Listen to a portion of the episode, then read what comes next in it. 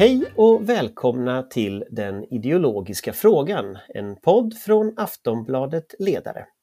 Och med mig idag har jag Socialdemokraternas jämställdhetspolitiska talesperson Annika Strandhäll. Välkommen!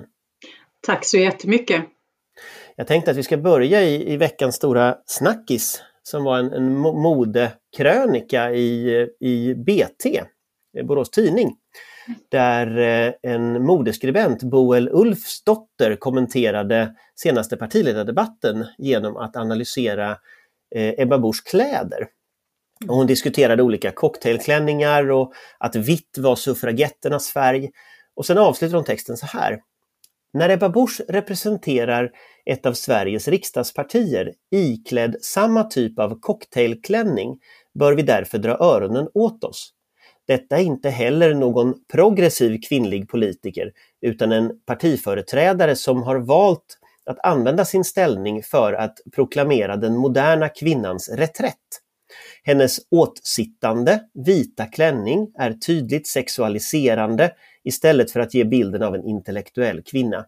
Den representerar därmed ett passivt kvinnoideal som sätter det lilla livet före det stora, vilket passar väl in med högerns dröm om kvinnor som verkar i hemmet istället för på arbetsplatsen. När du läste detta, vad tänkte du då? Ja, nej, ja. Det är ju så att varje gång som, som man läser den där typen av inlägg som kommenterar kvinnliga politikers eh, smink, brist på smink, eh, kamning, brist på kamning, vilken typ av kläder de har på sig, så hos mig vid det här laget så blir jag ju eh, väldigt, väldigt upprörd. Eh, det blev jag också i det här fallet, eh, måste jag säga. Eh, det som ska recenseras är ju naturligtvis Ebba Buschs insatser i debatten med utgångspunkt ifrån att hon är partiledare för ett av Sveriges riksdagspartier. Inte en analys av vad hon har på sig. Eh, och det, det här drabbar ju kvinnor i större utsträckning än vad det drabbar män. Eh, och är ju tyvärr, trots att det är 2021, fortfarande eh, ett återkommande fenomen som dyker upp med jämna mellanrum och som dessutom då både, både kvinnor och män ägnar sig åt när det gäller att recensera andra kvinnor. Jag tänker på, jag tänker på för, för, för några år sedan så var det väldigt populärt att ha retorikskribenter eller retorikexperter som analyserade partiledardebatter. Mm. Och det handlade också ofta om, om kön, om, om, om, även om det var mer inlindat så, så, så mm. man, Reinfeldt var en stor talare och, och, och, Mona Sahlin var svag och så vidare. Det var mycket sådana mm. ord som användes då. Är det så att modeskribenterna blir de nya retorikexperterna här? Jag hoppas verkligen inte det. Eh, utan vad, vad, vi behöver i svensk politik är ju att eh, fokusera eh, mer kanske på vad som eh, framförs under de här debatterna, vad politikerna säger och vad det faktiskt står för det de säger. Snarare än om Ebba Busch har på sig en, en för övrigt väldigt, väldigt snygg vit klänning. Eh, som jag utifrån min horisont som kvinna tyckte kanske snarare utstrålade säkerhet och kraft. Ehm, men, men som sagt vi ska inte, inte fort, ägna, fort ägna oss åt mer att recensera kläder utan snarare lyssna på eh, vad det är politikerna säger oavsett om de är män eller kvinnor än, än den typen av attribut som, som kläder och annat är. Så jag hoppas att, att vi ska slippa det. Eh, men, men jag känner mig väl inte helt förhoppningsfull i den delen. Vi har ju sett alldeles för mycket av det här. Eh, jag har en stark minnesbild av första gången när, när, eh, jag, när jag satt i regeringen när Isabella Lövin framträdde som, som vice statsminister tillsammans med vid, vid första tillfället och eh, man, hon fick en, en krönika som kommenterade att hon borde använda mineralpuder och hårborste och så vidare. Och då tänker man att hon liksom emellanåt står bredvid Peter Eriksson som kanske inte alltid använder en, en, en borste och det är väldigt sällan någon som kommenterar det. Eh, utan det är ju kvinnor, det är ju, och, och, det är ju detta också om man nu ska prata om retorikexperter som eh, du ju lyfter fram här eh, Anders, så är det ju också så att Eh, det är nästan lika frustrerande med det emellanåt för att det är så många gånger man döms på är ju om man har typiskt manliga eller typiskt kvinnliga attribut och det kvinnliga attribut i de här sammanhangen bedöms som en svaghet medan manliga attribut som politiker bedöms som en styrka jag har själv mött det att en av mina fördelar till exempel det är att jag har en ganska djup röst, att min, min röst har, en, liksom, har ett omfång som når ut till de som lyssnar och inte är så där gnällig och ljus och pipig som kvinnliga röster är många gånger. Eh, för att bara liksom visa hur det, det, här kan låta emellanåt och att det är någonting vi behöver vara medvetna om när vi lyssnar på kvinnor respektive män. Alltså det jag funderar på naturligtvis när jag, när jag ser den här krönikan och debatten kring den är ju liksom att, att det är ändå det här som triggar folk. Mm. Alltså det, det, är det här som ändå blir debatten. Det är här mm. konfliktlinjen på något sätt mm. går. Mm. Varför tror du den går där? Alltså, både varför vi inte har kommit längre men just liksom varför blir detta smärtpunkten?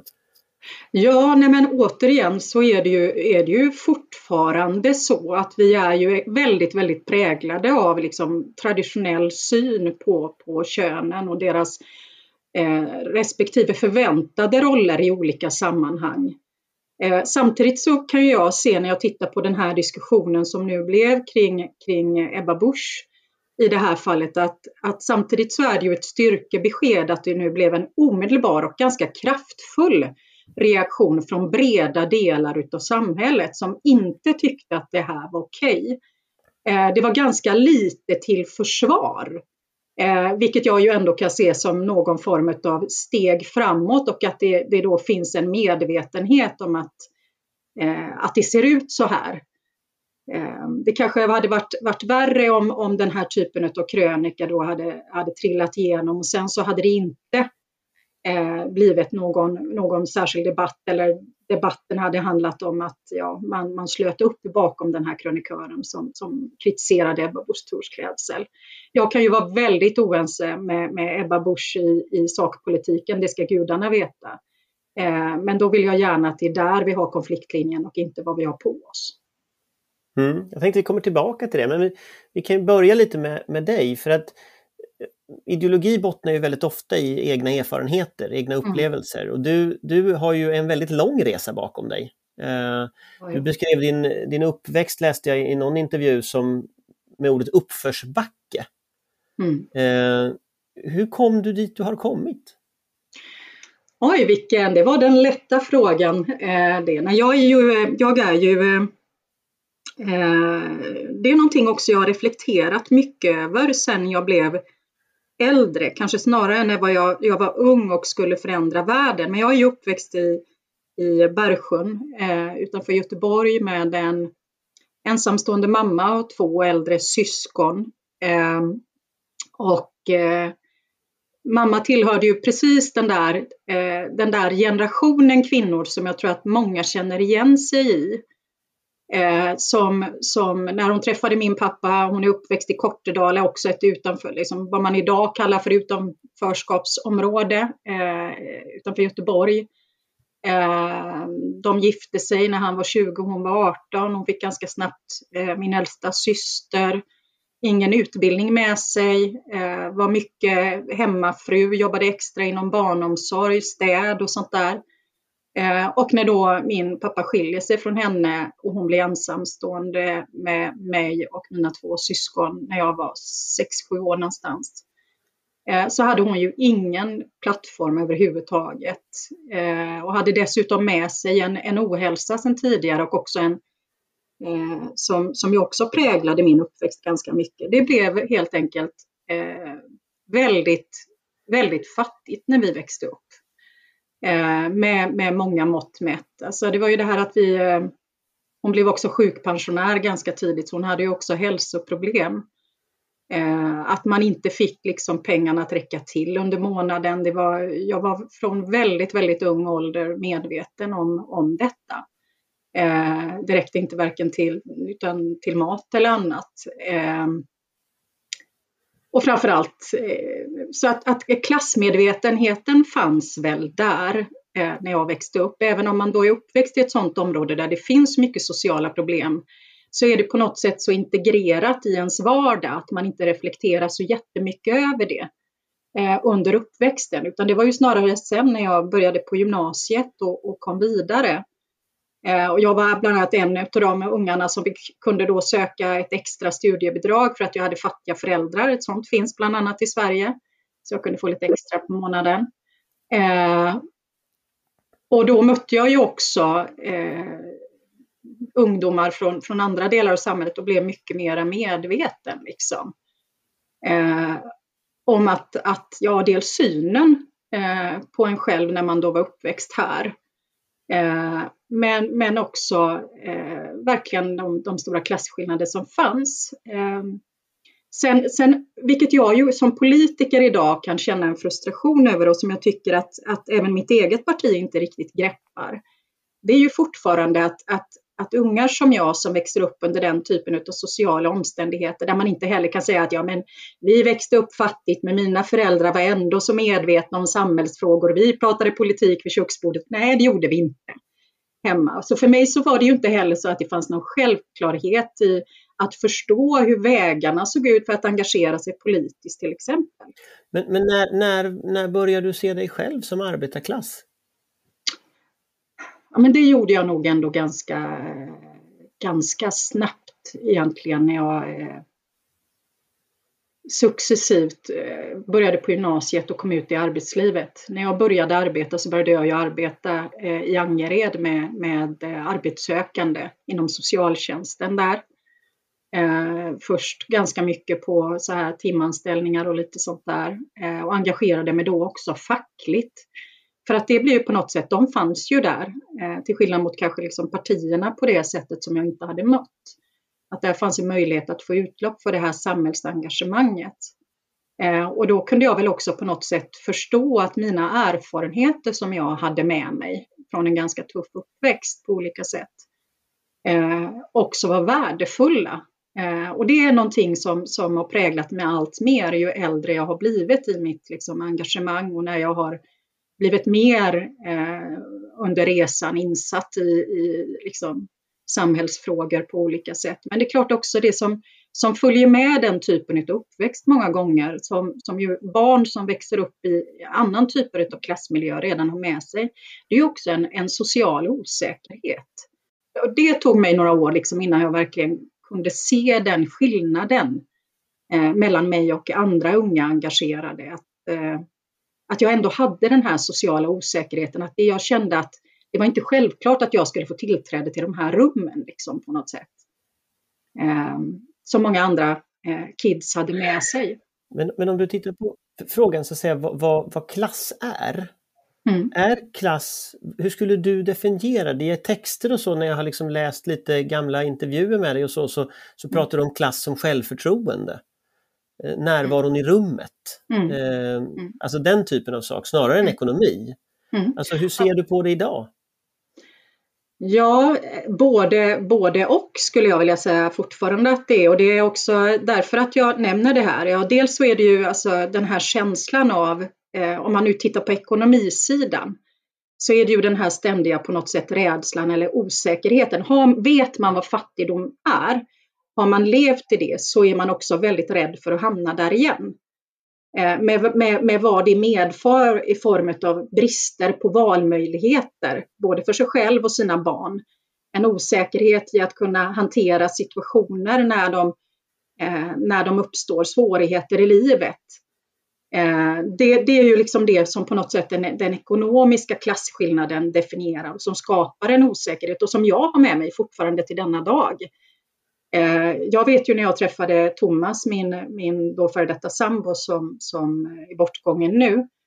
Eh, och då var jag ju ändå 25-26 år eh, och vi hade en god ekonomi. Han hade en god ekonomi och jag handlade ändå i tre olika matbutiker när vi bodde mitt i stan för att köpa de billigaste varorna. Alltså på något sätt så finns det där så präglat i ens person. Men alltså däremot den sociala osäkerheten som man också lever med handlar ju just om det här att att man känner kanske att man inte har rätten till de rum som man ändå bjuds in till. Vem är jag att få, få lyfta min röst i det här sammanhanget? Vem ska liksom, det är inte en självklarhet att, att, eh, att man på något sätt har eh, självförtroendet att ens röst ska lyssnas på på samma sätt. Eh, skulle jag vilja säga och det medför ju eh, den sociala osäkerheten Eh, som jag också kunde uppleva med min mamma, liksom i kontakt med myndigheter och sådana här saker. Eh, det, det, är ju tydliga klassmarkörer och det som gör mig väldigt ont idag, för jag upplever ju ändå att jag växte upp kanske när socialdemokratin var som, som starkast på 80-talet. Vi vet då att vi hade minst segregation i skolan om man tittar på Sverige historiskt sett under 80-talet till exempel. Eh, jag fick med mig liksom en ganska bra och Eh, jämställd och jämlik utbildning att stå på som inte skilde sig så mycket från andra som jag väl träffade på gymnasiet. Idag är ju situationen etter värre. De barn som min, jag har ju mina, mina egna syskon, jag har min stora syster bor ju uppe i Bergsjön. Eh, de växer upp under mycket, mycket tuffare förhållanden med en mycket mer segregerad skola. Eh, med mycket tuffare klassklyftor och ekonomiska klyftor. Eh, och barnfattigdomen i Sverige har ökat eh, väldigt, väldigt mycket de senaste 10-15 åren. Vad tänker du att, att, eh, för du har ju trots allt varit ansvarig politiker i landet mm. under, under en, del, en ganska stor del av de, de åren mm. eh, ändå eh, och ledande fack, i facket så att säga. Vad borde man gjort annorlunda för att på något sätt inte reproducera de här klasskillnaderna? Ja, jag skulle säga att vi har ju tappat, eh, ja, nu, nu får jag ju ändå prata också att efter recensera både, både mig själv naturligtvis i rollen som ansvarig politiker men också mitt eget, eh, eget parti. Eh, och, och det är ju så att efter 90-talskrisen egentligen i Sverige där man gjorde stora justeringar, både när det gäller neddragningar i den offentliga sektorn, men inte minst också stora förändringar i socialförsäkringssystemen, i trygghetssystemen, så har ju vi aldrig hämtat igen det sedan dess. De hålen som då uppstod i, i våra trygghetssystem, i, i sjukförsäkring, i bostadsbidrag, i underhållsstöd, som är så otroligt viktiga, inte minst för ensamstående mammor med barn till exempel, eh, som vi fortfarande är en, en, idag är en än mer skör ekonomisk grupp. Det har vi aldrig lyckats återställa under åren därefter. Eh, men inte bara det, utan vi har ju också eh, vi, genom ett antal olika beslut, politiska beslut och vägval sedan mitten av 90-talet eh, fått en situation som har bidragit till, skulle jag vilja säga, att samhället har dragits isär. Eh, ta till exempel friskolereformen, helt förödande. Eh, och där, där finns ju ingen idag som säger någonting annat att den, än att den har ökat på skolsegregationen något alldeles enormt. Eh, för att ta ett exempel. Men vi har ju också flera områden där den här typen utav politiska förändringar som också vi har varit medskyldiga till har gjort att, att de människor som är i störst behov av att följa med Eh, när, när samhället, liksom, när, när det uppstår en lågkonjunktur eller, eller, eller liknande, man blir arbetslös eller sjuk, har halkat ännu mer efter. Där måste vi vara eh, som parti djupt, eh, djupt självkritiska och det kan jag ju också konstatera när jag kom in i regeringsställning då som socialförsäkringsminister. För det första så var det ju lite som att få en vinstlott såklart. Eh, efter att ha haft den här uppväxten jag hade, att helt plötsligt så skulle jag ha ett politiskt ansvar för de de eh, system som jag då också med min erfarenhet som tidigare fackförbundsordförande visste var så otroligt viktiga eh, för de socialdemokratiska väljargrupperna och inte minst för kvinnor eh, och mammor. Och kunde då konstatera att vi inte bara hade det hål som uppstod efter 90-talskrisen och när vi socialdemokrater tillsammans med bland annat Center, Centern sanerade den svenska ekonomin att ta hand om, utan dessutom åtta år utav borgerlig politik på socialförsäkringsområdet som gjorde att, att den urholkning som påbörjades under 90-talet med saneringen av statsfinanserna hade ju blivit satt på speed under de åtta åren med borgerlig regering.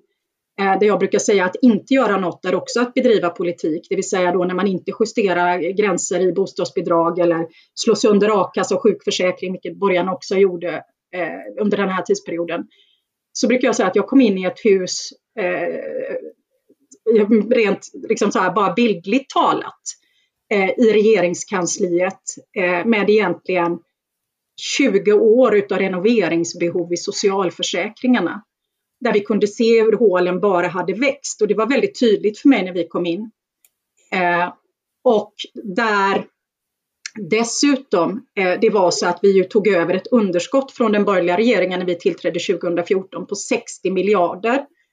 Eh, vilket gjorde att vi hade nästan inget reformutrymme att kunna prioritera utifrån. Och då var det ju att försöka lägga upp en plan. Eh, men det blir ju lite grann som en droppe i havet jämfört med vad som skulle behövas göras. Det skulle behövas tas ett ordentligt omtag. Men, men jag, tänker att, jag tänker så här att, att Socialdemokraterna har ju, som du tar friskolereformen till exempel, så har ju Socialdemokraterna regerat, vad blir det, 19 år snart nu, eh, ja. sen dess. Eh, ja. Med liksom Ingvar Carlsson, Göran Persson, Stefan Löfven. Ja. Och ändå är läget värre, mycket mm. värre än 90-talet. Jag minns ju 90-talets skola ganska väl eftersom jag gick i den och den mm. var inte eh, alls på det här sättet. Och nu har under den socialdemokratiska tiden så har ju mm. så här, klasskillnaderna ökat dramatiskt. Mm. Och jag är uppväxt i, i västra Göteborg, västra Frölunda. Och det är mm. klart att är man uppväxt där nu så skulle jag säga att man inte alls har en chans att komma därifrån. Och det är ju samma sak i Bergsjön eller i Kortedala mm. eller i Angered. Mm. Eh, att man sitter ju fast. Eh, när du säger omtag, liksom, det är ju partikongress i höst, det, det, mm. det, kommer ett val nästa år. Vad är det för omtag du ser framför dig? Så här, man måste också vara realist. Eh, du har, du har ju helt rätt Anders, att vi har ju, vi, vi har ju haft, inte minst de här senaste åren, Eh, och det jag tror också, eller tror, jag vet ju i och med att jag själv har suttit i, i regeringen under den här tidsperioden att det finns en liksom, ganska kraftfull medvetenhet eh, om att vi har att ett av de riktigt, riktigt stora bekymren både för förtroendet för, för socialdemokratin och för förtroendet för traditionell politik i Sverige, apropå att, att vi har stora väljargrupper som söker sig till Sverigedemokraterna, eh, beror ju på att väljarna såklart har rätt. Eh, man får aldrig underskatta väljarna. Det är klart att de har rätt. Och framförallt våra väljargrupper som upplever att det inte har blivit bättre. Eh, utan att de här klyftorna har ökat och att an ta anställningstryggheten för LO-kvinnor till exempel. Men de har ju rätt. Ja, men de har ju, de har ju rätt. De har ju rätt att det, se, det ser ut så här och att de har ju rätt i den mån att i sin, sin tvivel på eh, om den traditionella politiken, oavsett om det är moderater eller socialdemokrater som man har prövat under lång tid, om den kommer ha svaret på det som många av våra väljare upplever. Och där menar jag att där är det ju naturligtvis otroligt viktigt för socialdemokratin att dels vara väldigt krass. Jag tror inte att väljarna är dumma, tvärtom. Eh, att vara väldigt krass med att har inte vi ett tillräckligt väljarstöd så måste vi söka det från andra partier.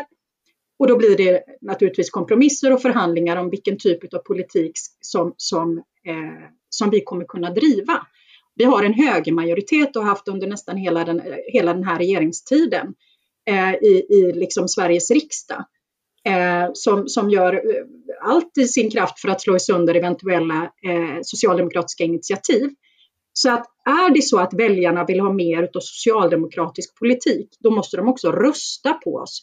Vi och vår sida måste på riktigt kunna förmedla en ambition eh, och politiska reformer som svarar mot det som socialdemokratiska traditionella väljarna söker. Det vill säga, en, en, du ska inte behöva bli fattig för att du blir sjuk eller arbetslös. Eh, det som har varit styrkorna i det svenska samhället är ju någonting också som vi nu undergräver. Det vill säga att jämna ut barns livschanser till exempel för att man ska kunna eh, komma tillbaks och även en, en unge som växer upp i Bergsjön ska kunna bli minister för att vi behöver också dem i politiken med de erfarenheterna. Eh, men också skulle jag vilja säga eh, det faktum att, att eh, vi måste våga tala om var, vart vi vill ta det svenska samhället. Vi måste kunna vara tydliga med att vi kommer inte göra det på, på två år. Men eh, vi måste se till till exempel att LO-kvinnor inte fortsätter att få mer otrygga anställningar utan tryggare anställningar. Alltså den här typen av socialdemokratiska luften som man traditionellt sett förknippar med oss men som vi de sista decennierna inte haft en möjlighet, inte klarat av att leverera på. Eh, men också måste man rusta på, på Socialdemokraterna så att vi får ett mandat att kunna genomföra den typen av politik. Och framförallt då, nu blir jag lite, lite mer partipolitiker här, jag måste ändå få sagt det här. Framförallt så är det ju så att att hur frustrerad man än är och visar det genom att då kanske rösta på Sverigedemokraterna. För det är också så lätt i ett läge där man upplever sig som förlorare att hitta andra grupper som man vill skylla, skylla detta på. Och då, det, vi har ju sett det förr historiskt att då tittar man, då hittar man judar eller man hittar eh, eh muslimer eller man hittar någonting annat. Sverigedemokraterna är experter på detta. Eh, att lösningen ligger inte att rösta på ett parti som egentligen vill driva en rå högerpolitik ihop med Moderaterna och Kristdemokraterna. Eh, och det där måste vi klara av att, eh, att vara väldigt tydliga med, tror jag. Men, men är det ändå inte en ganska tuff sak att sälja? Liksom? Socialdemokraterna har regerat under 19 års tid sedan regeringen Bildt och många av reformerna kommer ju från regeringen Bildts tid, alltså friskolereformer, fria mm. skolval, privatiseringsvågorna och så vidare. Mycket har ju sin, sin grund i de åren. Mm. Ehm, även ekonomin som sen resulterade i 90-talskrisen mm. påverkades ju i högsta grad ja, av, av Bildt. Men, men trots då att Socialdemokraterna har lett landet och fått förtroende under så många år, så ökar klasskillnader. Eh, vi ser eh, en stor grupp människor som nu lämnar Socialdemokraterna för SD. Mm. Hur ska du återupprätta deras förtroende i så fall? När man liksom jo, för... inte har bedrivit den politiken de röstade för, eh, som de ville ha och nu har de, liksom, nu har de gått utan, utan er. Mm. Hur ska ni få tillbaka dem? Nej, men jag, jag, tror verkligen det är otroligt viktigt för, för våra väljargrupper. Eh, dels att vara väldigt, väldigt ärliga eh, i att också konstatera att, att vi är självkritiska när det gäller också ett antal liksom, eh, politiska vägval som, som ligger bakom oss. Ta, ta då friskolereformen till exempel. Det är ju en typisk sådan. Eh, men det finns också flera sådana och att, att man omvärderar sin, sin politik på de områdena. Sen skulle jag ändå vilja säga, eh, och då liksom pushar jag väl ändå tillbaks där lite, att vi under den senaste regeringsperioden eh, verkligen också har försökt eh, att bedriva en, en mer socialdemokratisk politik i alla de delarna som det har varit möjligt. Eh, och där det då har funnits ett ekonomiskt utrymme. Vi har ju kämpat för det i regeringsförhandlingarna med, ja, nu med januaripartierna under förra mandatperioden, eh, med Miljöpartiet och, och, och, eh, och Vänsterpartiet i det fallet, för att ändå få igenom så mycket som möjligt utav socialdemokratisk politik. Men det är klart att, att, att man måste ju också vara ärlig med att säga att, att har man den typen, det är första gången i modern tid i vart fall, så Socialdemokraterna sitter i regering med ett annat parti, som dessutom första gången de sitter i regering.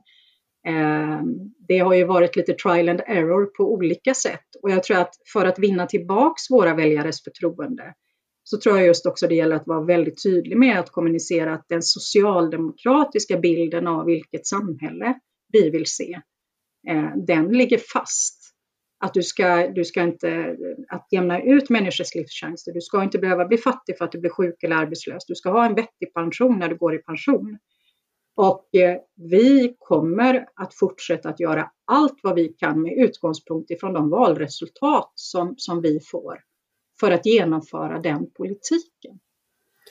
Jag tänker kön, kön, eh, kön och klass mm. brukar ju ofta kopplas ihop. Eh, LO pratar om en kön och klasstrappa Eh, och eh, och eh, om, om, man tittar liksom på den andra dimensionen i den kön och mm. klasstrappan, att det här är klass, klassdelen, så mm. har vi också könsdelen. Och, och mm. där måste man väl säga att den har fått lite ändå av en ganska intressant förändring de senaste 3, 4, 5 åren. Från mm. metoo till den debatt vi har de senaste veckorna om, om mäns våld mot kvinnor. Mm. Jag tänker du är jämställdhetspolitisk talesperson så att säga för, för S. Vad, vad drar du för slutsatser av att de här liksom, debatterna kommer nu? Ja, eh, det, det, är, det är ju naturligtvis eh, sent om sidor höll jag på att säga. Eh, jag, jag drar slutsatsen så här. Eh, dels så är det så också att vi har en, en eh, vi, vi, vi hade ju, alltså, man får inte glömma en sak. Dels så är det så här att Sverige ligger ju väldigt långt fram när det gäller eh, jämställdhetspolitiska reformer generellt. Vi är ett av de länder i världen som är mest jämställda. Eh, trots det så har vi då till exempel, precis som du säger, inte, precis som andra länder, inte lyckats komma till bukt med eh, frågan som handlar om mäns våld mot kvinnor. Det har man ju heller inte gjort i något annat land om man ska vara riktigt ärlig. Eh, vi ser idag eh, hur de fantastiska 68 feministerna som vi då hade i Sverige, inte minst många socialdemokratiska kvinnor under den tidsperioden, såg till på något sätt att kvinnor fick mer grundläggande rättigheter när det gällde inflytande i samhället, när det gällde eh, rätten att, att vara på arbetsmarknaden, när det gällde politik för att kombinera eh, arbete och eh, familj till exempel. Det, det, stod ju väldigt mycket liksom 68 kvinnor i generationen för i Sverige. Varannan damernas på listorna, eh, alltså representation och resurser i någon mån. Eh, vad vi, vad vi ju liksom nu ser, skulle jag vilja säga, det är ju nästa generations eh, kvinnor och feminister som också tar plats i både debatten, eh, som journalister, som politiker. Eh, och jag tror att vi ser nästa steg när det gäller eh, feministiska framsteg i Sverige. Det vill säga att, att, att med den ökande självständighet som kvinnor har fått genom att vi har bland de länder i världen som har högst arbetskraftsdeltagande bland kvinnor idag. Kvinnor har varit bättre utbildade än män i Sverige de senaste 30 åren. Jag tror att man nu ser kvinnor erövra andra områden där man höjer sina röster och också säger att även det område som handlar om, om sexuella övergrepp, våld i hemmen, eh, som bara för några decennier sedan kallades för lägenhetsbråk om du minns. Polisen åkte på ett lägenhetsbråk, ja det var när en man slog en kvinna. Va? Eh, apropå hur också den frågan har förflyttat sig. Eh, och den, med metoo-debatten så öppnade man ett lock.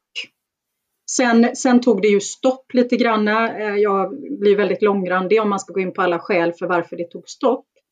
Men vi ser lite grann en nästa våg nu. Det som ju är så otroligt frustrerande dock fortfarande, även om nu jättemånga också är ute och pratar om det, eh, det är ju trots allt att det, det fortfarande ska till att fem kvinnor mördas på några veckor för att vi ska få till den här typen av debatt i Sverige. Alltså den typen av politiska fönster som jag ibland brukar prata om. Man vill inte veta hur korv och politik görs liksom, men det här är ju eh, vi är ju precis inne i ett sånt liksom fält nu där det blir möjligt att förflytta frågan framåt. Ja, då måste jag fråga en sak. För att metoo var ju ett sånt fönster helt mm. uppenbart mm. och nu är vi i ett sånt fönster igen. Mm. Men metoo har ju också haft sin backlash. Ja. Eh, ganska hård som backlash skulle jag ja. säga. Mm. Eh, upplev, upplever i alla fall jag när jag tittar på hur debatten ser ut idag.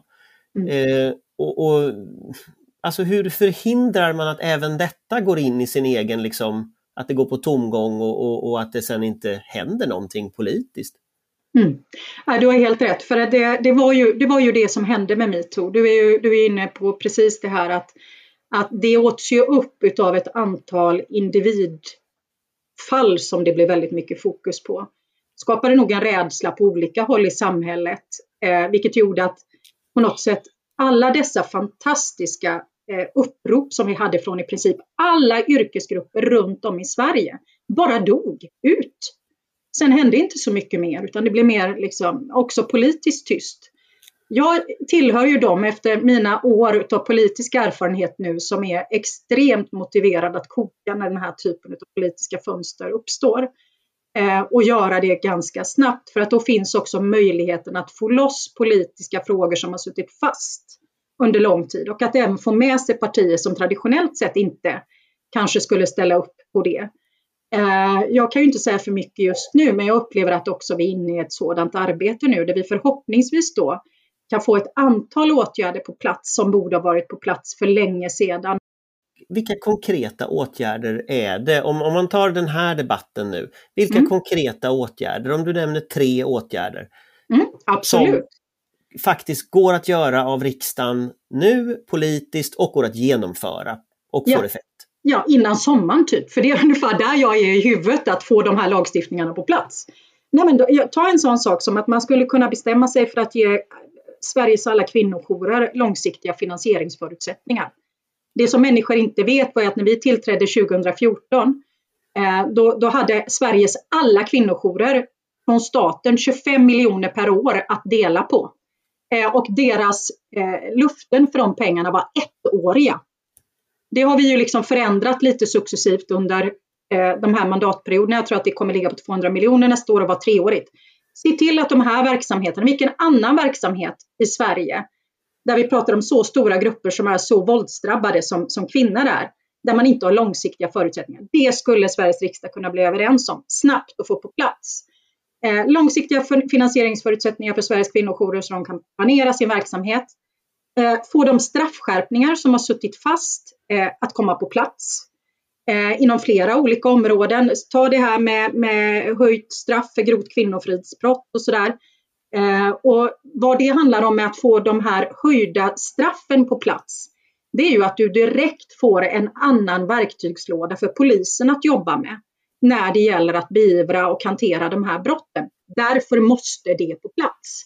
Eh, det kan man nu bli överens om. Det finns färdigutrett, det finns lagstiftningsunderlag. Det är bara att göra, skulle jag vilja säga, som en, som en andra eh, åtgärd.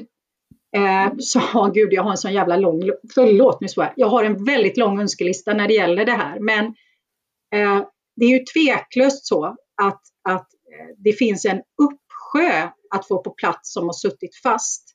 En, en annan sån sak är ju, eh, ja men ta till exempel straffskärpningen för, för sexköp. Det är också en form av mäns våld mot kvinnor. Där det idag kostar ungefär som att sno en oxfilé på ICA att köpa en annan kvinna, en kvinnas kropp eller en annan människas kropp i Sverige.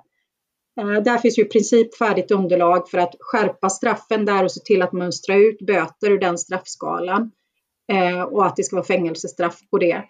Eh, så att jag skulle säga att det finns en, eh, en uppsjö eh, utav möjligheter för Sveriges politiker att nu vara överens om att göra förändringar på riktigt som spelar roll i kvinnors liv. Och då ska man veta, Anders, att var 20 minut dygnet runt i Sverige så anmäler en kvinna en misshandel. För oss som jobbar med frågan så vet vi detta, men väldigt många när man är ute och pratar med människor har ingen aning om att det är så här det ser ut.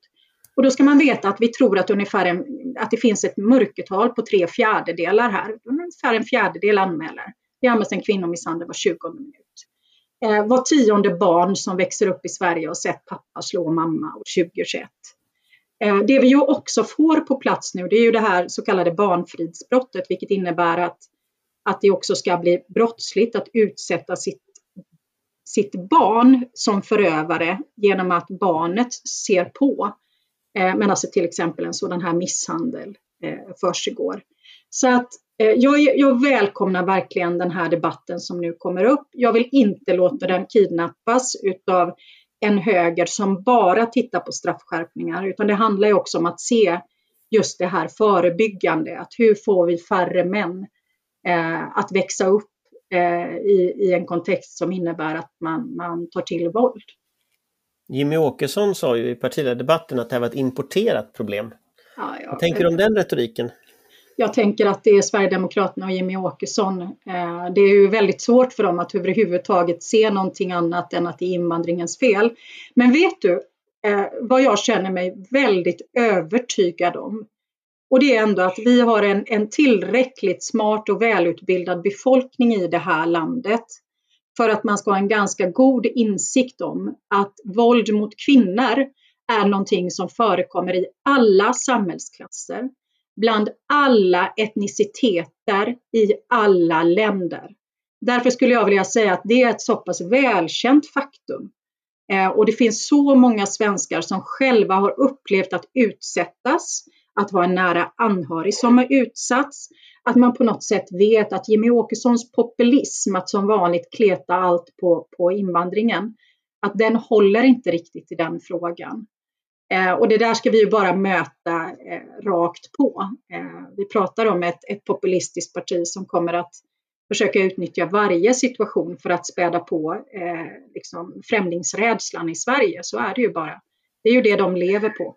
Ja, jag tänkte vi ska gå över lite till, till SD och fundera lite. För att, för att du har ju tagit ganska många strider mot SD, på mm. nätet inte minst. Mm. Eh, och, och, konsekvenserna av det ser vi ju också. Det är mycket hot och hat och, och den typen av saker som du mm. möter där.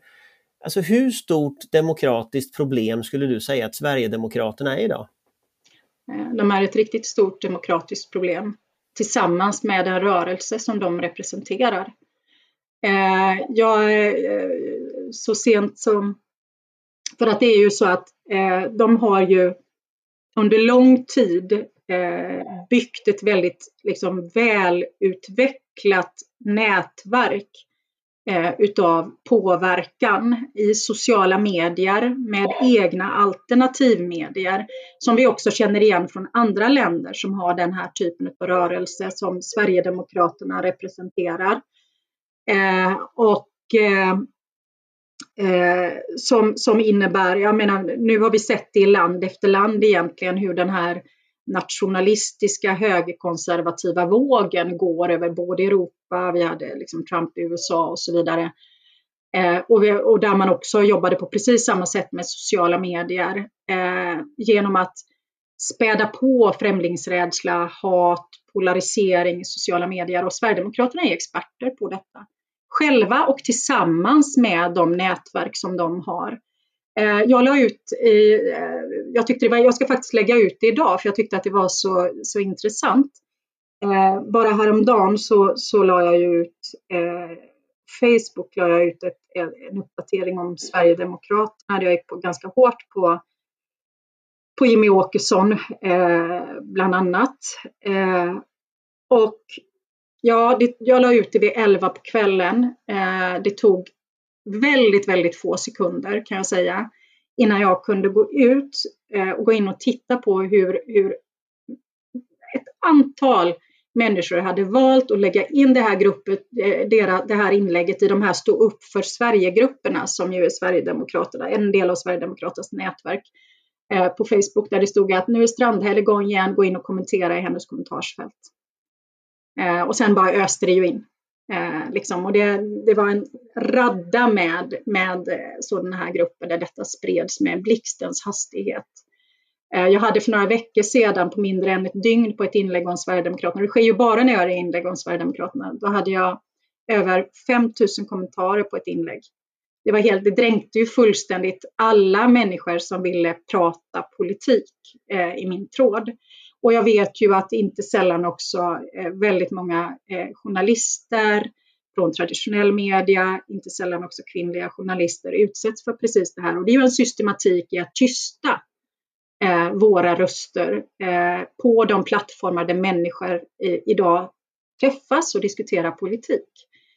Eh, och vi får aldrig vika för det här. Jag är ju väldigt så här, får aldrig vika för det här utan bara fortsätta. Eh, att, att föra debatten, att organisera oss, höja våra röster, men också reglera naturligtvis en del av dessa plattformar. Det är jag övertygad om att vi behöver göra.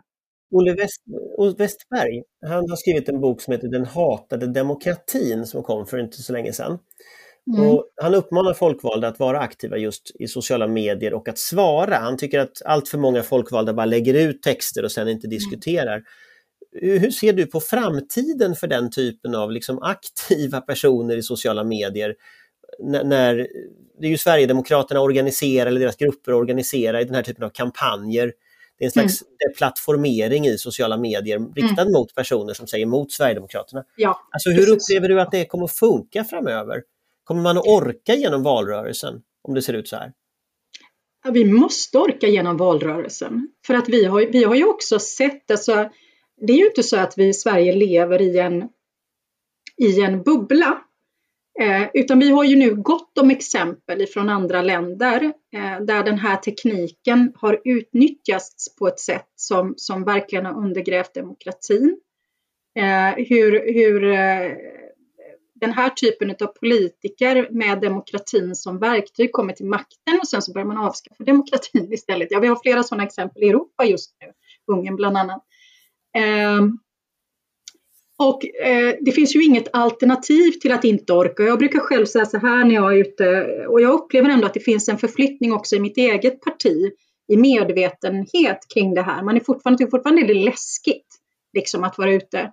Men, men vi som parti, vi är en folkrörelse. Vi har mött människor på torg, eh, knackat dörr, fört samtal. Det är hela livsnerven i vårt parti, att föra samtal på arbetsplatser, på torg, vid dörrar Men man måste också förstå att vi måste följa med i samhällsutvecklingen och att de nya torgen i väldigt hög utsträckning, de finns på de sociala medierna.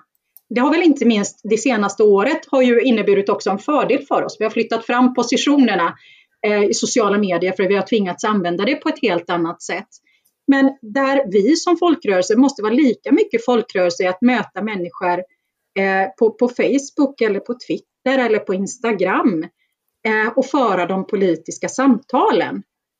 Eh, samtidigt naturligtvis som också lagstiftning och reglering måste följa med på något sätt som gör eh, att den här typen av då attacker som vi ser för att tysta liksom, röster eh, Eh, i, något, alltså i någon mån modereras. För det är klart att det är lätt att säga att folkvalda ska vara mer aktiva i sina sociala medier och ta debatten.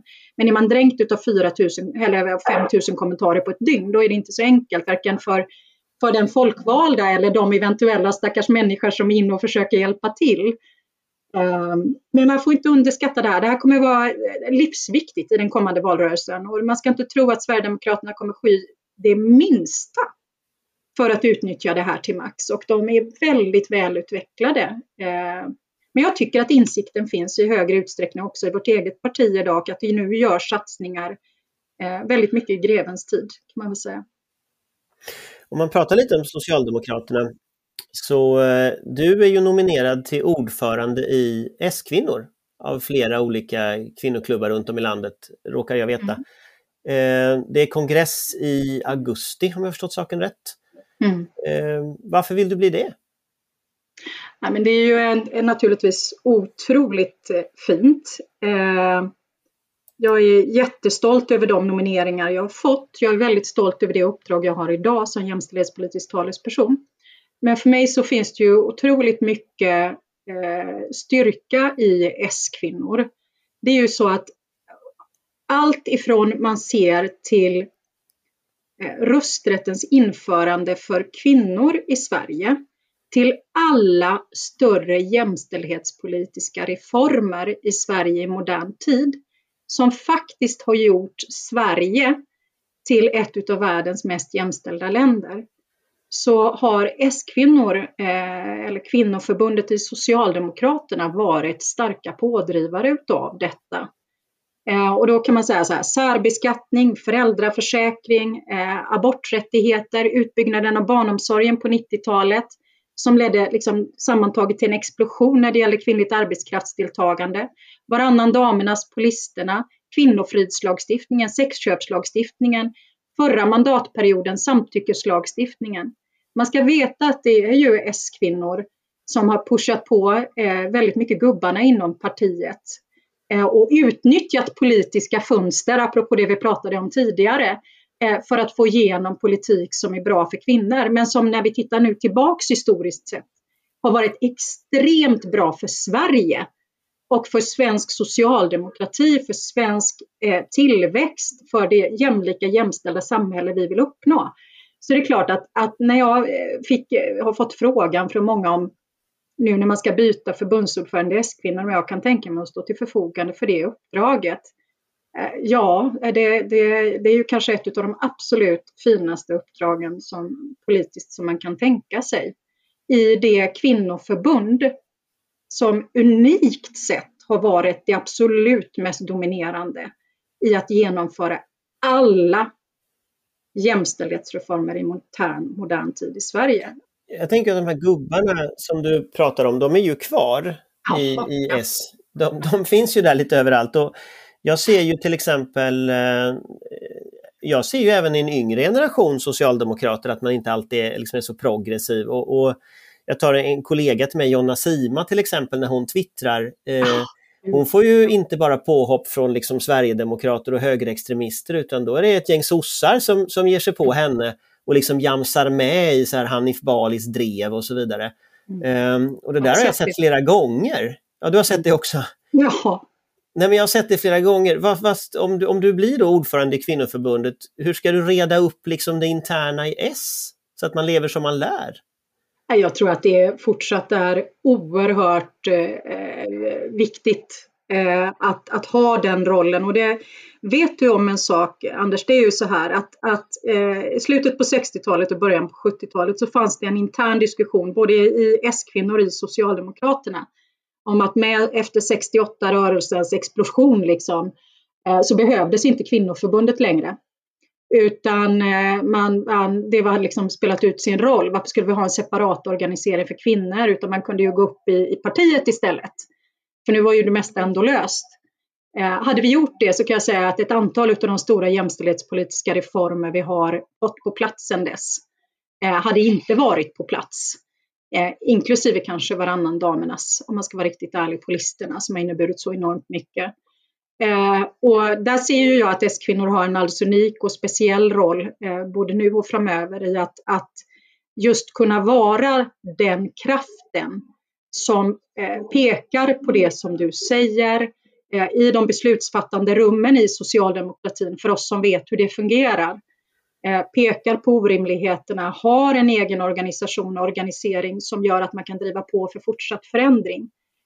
Jag tror att det är jätteviktigt och sen måste jag ändå säga att till varenda ung kvinna som verkligen brinner för, för feminism och jämställdhetspolitiska reformer i det här landet. Eh, ja, då är det ju verkligen eh, det socialdemokratiska kvinnoförbundet, ES-kvinnor man ska organisera sig om man på riktigt inte vill, vill, bara stå och skälla på en barrikad eh, utan de facto bidra till de politiska reformer som kommer på plats. Eh, så, så ser väl jag väldigt mycket på en, en, en fortsatt roll för S-kvinnor eh, i socialdemokratin. Jag, jag, tänker att en, en sån fråga som, som har varit uppe ganska mycket och som, som har diskuterats på de senaste kongresserna, det är ju individualiserad föräldraförsäkring. Ja, gud, där, där, finns ju ett, ett löfte också från liksom partiledningen att det ska komma en plan för hur man ska närma sig en individualisering. Eh, när kommer den? Ja, alltså det finns ju kongressbeslut på att den ska komma eh, kopplat till den här kongressen. Ja, jag tänkte det. Så att, var ja. är den? Ja, jag tänker att den, eh, den bör ju dyka upp där, annars har man inte svarat på kongressens beslut. Eh, och det måste jag säga att det är ju en av de stora stoltheterna jag kan, kan, kan känna är ju att eh, faktiskt ha varit socialförsäkringsminister och ytterlig, genomfört ytterligare en vikt månad i föräldraförsäkringen. För vet du, det är ju så här Eh, apropå att vi har borgerliga partier eller kristdemokrater som säger att, att den här typen av politiska reformer inte spelar någon roll utan att man ska komma överens vid köksbordet istället. Att 1995 så tog svenska papper ut 8 procent av föräldraledigheten i Sverige, samma som Danmark ungefär. Sen det, då började vi vika månader i föräldraförsäkringen och, och, jobba verkligen med opinionsbildningen kring vikten av att man också delar på ansvaret för de små barnen. 2019 tog svenska papper ut över 30 procent. För första gången gick man över 30-procentsgränsen eh, när det gäller uttag av föräldraförsäkringen eh, i det här landet. Och man kan tycka, jag brukar säga det till S-kvinnor, inte minst när jag träffar dem, att man kan känna sig superfrustrerad över det eh, och tycka att det borde vara 50 procent. Men jämför du detta internationellt så är vi helt världsunika. Eh, och åker man över sundet till Danmark nu, vet du hur det ser ut där då? Jo, de ligger fortfarande på 8 procent. De har inte jobbat med den här frågan, vilket är otroligt intressant och visar också vilken skillnad eh, aktiv politik gör. Och eh, framförallt så kan man ju också se att eh, det också har skett en kulturförändring skulle jag vilja säga, där väldigt många unga killar som blir farsor idag också tar det för ganska självklart att man ska vara hemma med de små barnen. Det är bra politik på riktigt. Men jag tänker att den socialdemokratiska partiledningen verkar ju ungefär lika rädd för frågan som man var på kongressen 2000, vad var det, 13 och 15 och 17 och alltså... Absolut. Så att den här planen... ja, nej, men jag skulle vilja säga att jag tror att du har helt rätt och det är ju, det är ju för att man... Ibland mäter vi ju ihjäl oss, du vet ju det.